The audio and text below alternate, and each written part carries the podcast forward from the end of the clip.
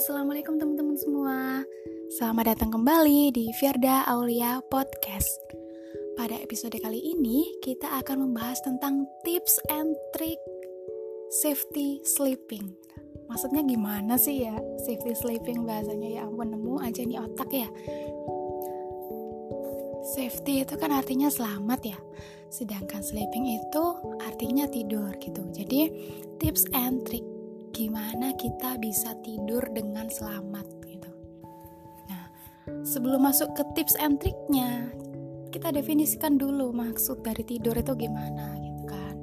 Di Quran surat Az-Zumar ayat 42 itu dijelaskan nih sama Allah. Allah Allah memegang nyawa seseorang pada saat kematiannya dan nyawa seseorang yang belum mati ketika dia tidur gitu. Jadi yang memegang nyawa seseorang itu Allah, entah saat kematiannya atau entah saat dia tidur gitu. Maka dia tahan nyawa orang yang telah dia tetapkan kematiannya. Jadi kalau misalnya dia waktunya sudah habis, nyawanya sama Allah ditahan gitu. Dan Allah lepaskan nyawa yang lain sampai waktu yang ditentukan. Nah, waktu yang ditentukan ini maksudnya adalah ajalnya dia, ajalnya seseorang itu gitu. Jadi kalau jadi nyawanya manusia nih nyawanya kita kan dipegang sama Allah nih. Kalau pas kita tidur, kalau kalau nyawanya dilepas kita bangun. Kalau nyawanya ditahan, artinya waktu kita di dunia ini sudah habis gitu. Bayangin ketika kita mau tidur ya, kita kan nggak tahu nih kita kapan meninggalnya nih ya. Bayangin pas kita mau tidur, ternyata tidur itu adalah tidur terakhir bagi kita gitu. Serem nggak? Serem kan? Terus gimana biar caranya biar kita itu merasa aman, merasa selamat gitu ya? Biar kita selamat gitu gimana? Yang pertama, tidur di tempat yang membuat kita, yang membuat fisik kita itu ngerasa enak gitu. Tidur di rumahnya masing-masing, tidur di kosannya masing-masing, tidur di kontrakannya masing-masing gitu ya. Tidak boleh tidur di rumah pacar ya, itu nggak aman. Nanti digerbek sama warga ya Jangan tidur di tengah jalan, apalagi ya mau kesir bentar eh ditintin sama kendaraan ya kan. Yang kedua,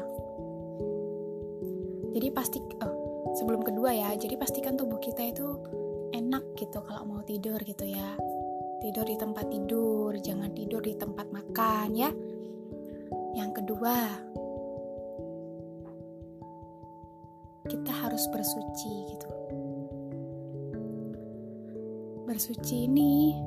Ya bayangin kalau misalnya nanti pas pas aku meninggal gitu gimana kalau misalnya kita dalam keadaan yang yang nggak suci gitu. Ya suci sih kita manusia semua semuanya suci gitu. Tapi lebih baik lagi kalau kita itu berwudhu gitu kan. Jadi kita tuh ngerasa kayak aku sudah wudhu gitu. Nah dulu kita diajari tentang doa sebelum tidur kan? Nah, doa sebelum tidur itu gini kira-kira ya kurang lebihnya begini. Bismika Allahumma ahya wa bismika amut gitu. Kurang lebihnya begitu. Bismika Allahumma ahya wa bismika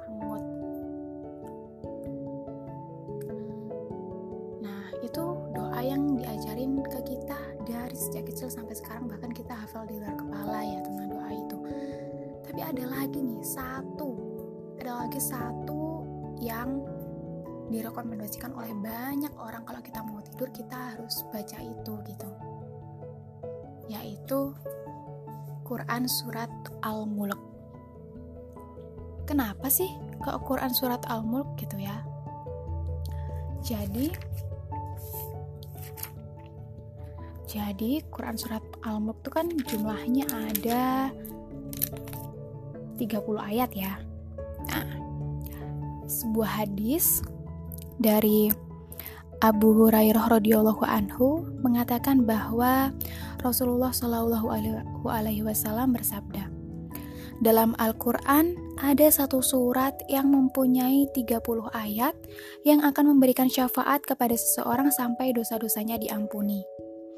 Surat itu adalah Tabarakalladzi biyadihil mulk. Ya itu surat Al-Mulk itu. Aku ulangi ya. Dalam Al-Quran ada satu surat yang mempunyai 30 ayat yang akan memberikan syafaat kepada seseorang sampai dosa-dosanya diampuni. Bayangin nih, kita nanti pas tidur ya, ternyata itu adalah waktu terakhir kita. Dan kalau misalnya kita membaca surat ini ya, dengan berkeyakinan penuh bahwa hadis ini sesuai dengan sesuai dengan anjuran dari Rasulullah Shallallahu Alaihi Wasallam, maka dosa-dosa kita itu bakal diampuni gitu.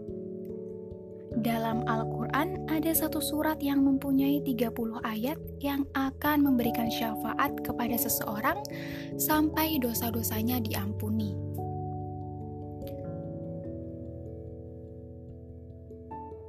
Jadi kayak antisipasi gitu loh.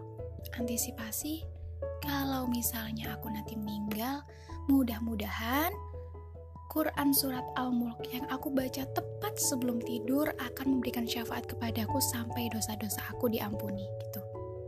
Di mindset kita ya seperti itu. Jadi kita lebih merasa aman gitu pada saat tidur. Nanti nyawaku ketika aku tidur akan dipegang oleh Allah. Di mana aku dalam keadaan setelah berwudu, aku dalam keadaan setelah berdoa, dan dalam keadaan setelah aku membaca Quran Surat Al-Mulk.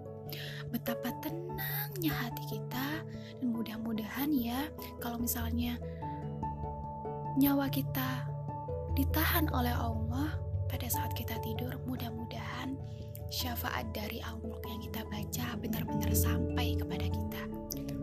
Terus berharap kepada Allah terhadap apa? Terhadap semua ibadah yang kita lakukan agar ibadah tersebut menjadikan Allah ridho kepada kita. Kalau dosa-dosa kita semuanya diampuni, artinya hal itu akan membuat Allah ridho kepada kita.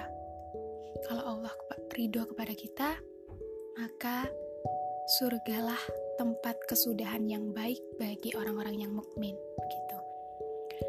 Nah,